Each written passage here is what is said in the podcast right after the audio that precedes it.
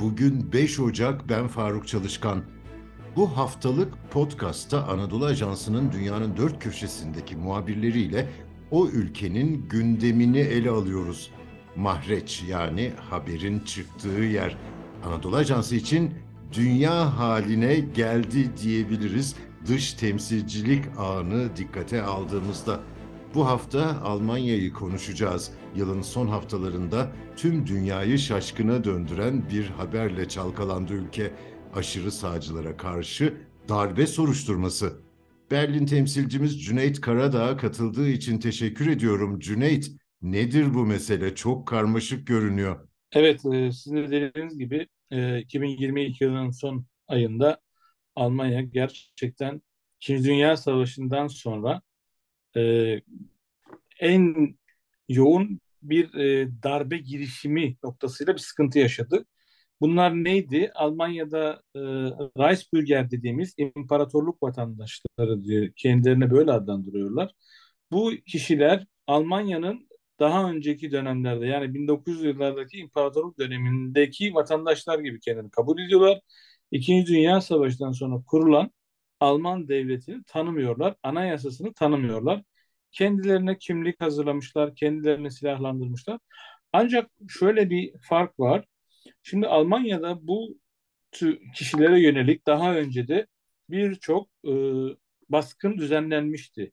Ancak iktidar değiştikten sonra Sosyal Demokrat Parti ve Yeşiller ile beraber hükümet olunca bu seferki baskın daha bir e, teferruatlı ve daha da böyle direkt darbe planlarıyla, darbe girişimine plan yapılıyor diye aksettirildi. Neydi bunlar? Burada bir 25 kişiyi gözaltına aldılar sabah saatlerinde. Bunların planları Alman Federal Meclisi'ni basarak kaos çıkarmak ve kaosun ülkeye hakim olmasını sağlamak. Bu vesileyle de ülkede yönetimi ele geçirme gibi bir planlardan bahsettiler. Tabii şu andaki soruşturma federal başsavcılık e, olayı takip ediyor. Soruşturma sürüyor. Bu kişiler gözaltında. Delil toplama noktasında savcılık işine devam ediyor. Bunlardan e, tabii bu böyle bir e, haber bütün dünyayı tabii e, haliyle şoke etti. Yani bütün e, Amerika'sından tutun da uzak doğusuna kadar bütün dünyada Almanya'da nasıl böyle bir şey oldu? Çünkü Alman anayasasını kurarken İkinci Dünya Savaşı'ndan sonra öyle bir yapı kurulmuş ki neredeyse darbeye imkan verilemez hale getirmiş. O nedenle yine böyle planların çıkması tabii e, insanları tedirgin de etmedi değil. Neden ediyor? Çünkü Almanya'nın hafızasına geriye gittiğinizde bir Nazi dönemi, ondan önceki dönemler e, yani Birinci Dünya Savaşı, İkinci Dünya Savaşı Almanların sebebiyet vermesi bu gibi şeyler Almanya'ya ne oluyor tekrar Nazi dönemine mi geçiyoruz diye bir korku e, hakim olmadı değil, oldu. Ama tabii hükümet e, sol tandanslı ve liberal bir hükümet olduğu için bu tür konularda hiçbir e, en ufak bir e, tahammülü olmadığı için bunu İçişleri Bakanlığı özellikle burada çok ön plana çıktı. Nancy Faeser. Bu bayan e, üstüne özellikle gidiyor. Bu şekilde bu örgütü yani kendi aralarında tam olarak bütün Almanya'nın 16 eyaletinde bu insanlardan var ama tamamen bir hiyerarşik bir yapıya daha dönüşmemişler. Yani bunların bir lideri, bir şey yok. Tamamen bölgesel. Hani eskiden Almanya'da derebeylik bir ülkeydi. Bunlar kendi eyaletlerinde, kendi güçlerine göre bir şeyler yapmışlar ama federal çapta bir araya gelip topyekun bir hareket yapmamışlar. Ama bunların tehlike olan nedir? Bu insanlar genelde avcılıkla uğraşan yani av lisansına sahip silahla haşır neşir, haşır neşir olan insanlar yani silahları olan, silah kullanan, sürekli atış talimi yapan, eski ordu mensupları, eski polislerden de oluşan kişiler var bunun içinde. Muvazzaf bir e, subay da vardı ama ordunun içinde ya da polisin içinde öyle bir kümelenmeleri henüz bu aşamada yok. Ortaya çıkmadı. Ama bu bile bu baskın bile Almanya'nın bu konuda daha dikkatli davranması gerektiğini, daha naif olmaması gerektiğini ülkeye gösterdi. Zaten burada biliyorsunuz Almanya'da istihbarat ikiye ayrılıyor. Bir iç istihbarat, bir de dış istihbarat. İç istihbarat Anayasa Koruma Teşkilatı deniyor burada. Bunlar şu an için bütün e, fokuslamasını, zoomlamasını bu örgüte vermiş durumda. Tabii bütün sol, aşırı sol, aşırı sağ hepsini takip ediyorlar. Ancak şunu da son olarak e, ilave edeyim.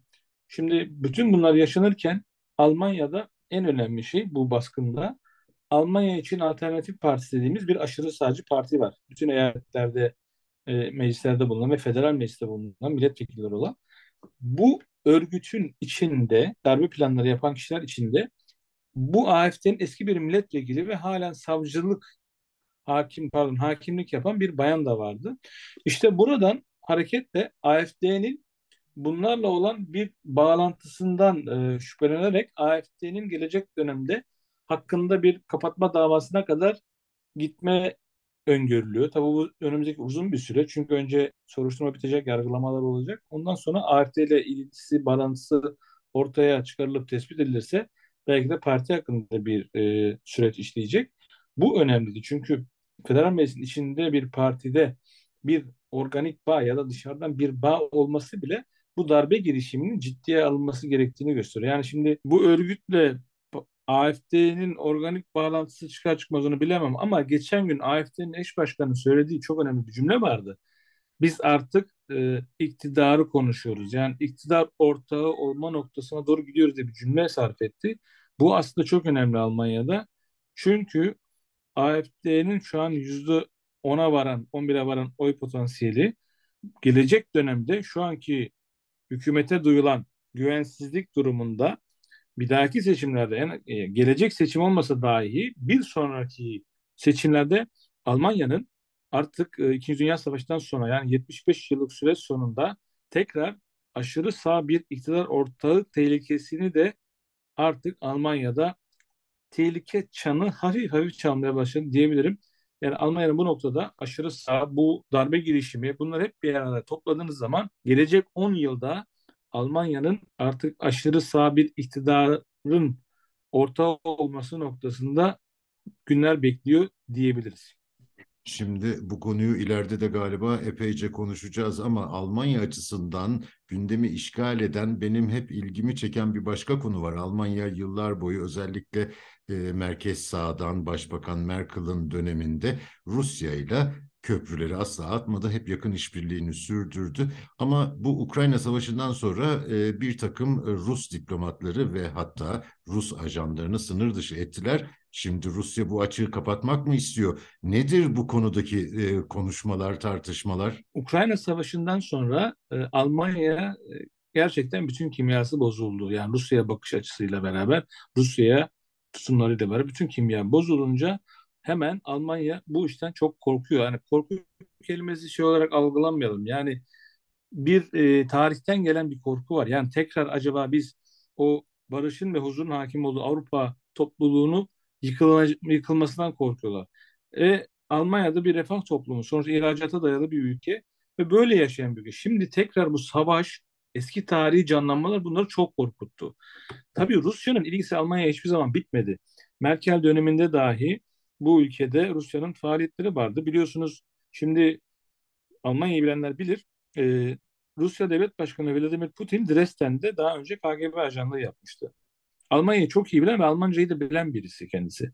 Merkel de keza o dönemde Doğu Almanya'da yetiştiği için Rusya, Rusya'sı çok iyi olan bir Alman siyasetçiydi. Şimdi bunlar iyi anlaşıyordu ve ikisi pragmatik olarak bu ilişkileri götürüyorlardı. Ancak sosyal demokratlar iktidara geldikten sonra ve hemen daha gelir gelmez hükümete savaş çıktıktan sonra Almanya derhal e, bazı önlemler almaya gitti. Özellikle Rusya'nın Almanya'daki bunlar tabii hep iddia olarak söylüyorum. Mesela seçimlere daha önceki seçim, seçimlere müdahale etme gibi bazı iddialar ortaya atıldı. Özellikle Rus hackerların federal meclisteki bilgisayarlara hatta bu haber oldu ve gerçek bir olay. Merkel'in federal meclisteki bilgisayarına kadar sızdılar.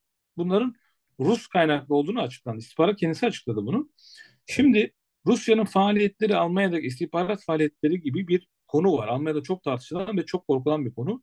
Özellikle Anayasa Koruma Teşkilatı Başkanı Rusya'nın Almanya'da yaptığı faaliyetlerle ilgili geçenlerde bir demeç vermişti. Onu biz de haberleştirmiştik.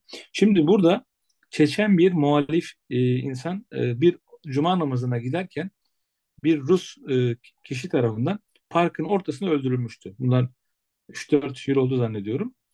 Bu kişi şu anda e, hapiste yatıyor. Hatta geçenlerde Amerika ile Rusya arasında bir değişim olmuştu hatırlarsınız. Bir silah satan bir kişiyle bir basketçi değişimi olmuştu. Orada Rusya'nın bu Almanya'daki kişiyi de pazarlığa koyup Almanya'dan talep etti ama Almanya bunu reddetmişti. Ondan sonra savaş çıktıktan sonra da Almanya 40 tane Rus e, diplomatı buradan ihraç etti. Yani istenmeyen adam ilan etti ve gönderdi.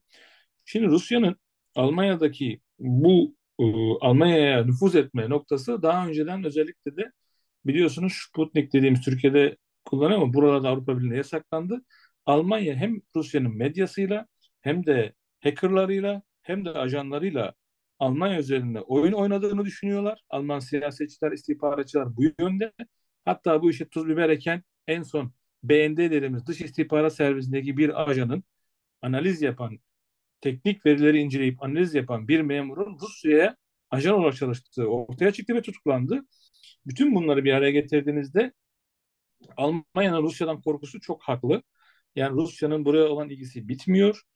Ee, Almanya da buna karşı şeyler geliştirmeye çalışıyor. Hem teknik olarak hem insani olarak hem istihbarat olarak.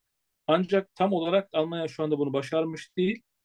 Almanya'nın e, özellikle şu önümüzdeki dönemde en büyük çekinceleri bir, bir Rus istihbaratının Amerika faaliyetleri, ikincisi de Çin'in bu ülkedeki faaliyetleri. Bu ikisinden çok çekiniyor Almanya. Tabii önümüzdeki dönemde bunu e, nasıl bir süreç izleyecek? Daha tutuklamalar devam mı edecek? Yoksa e, istemeyen adam noktasına mı gidecek?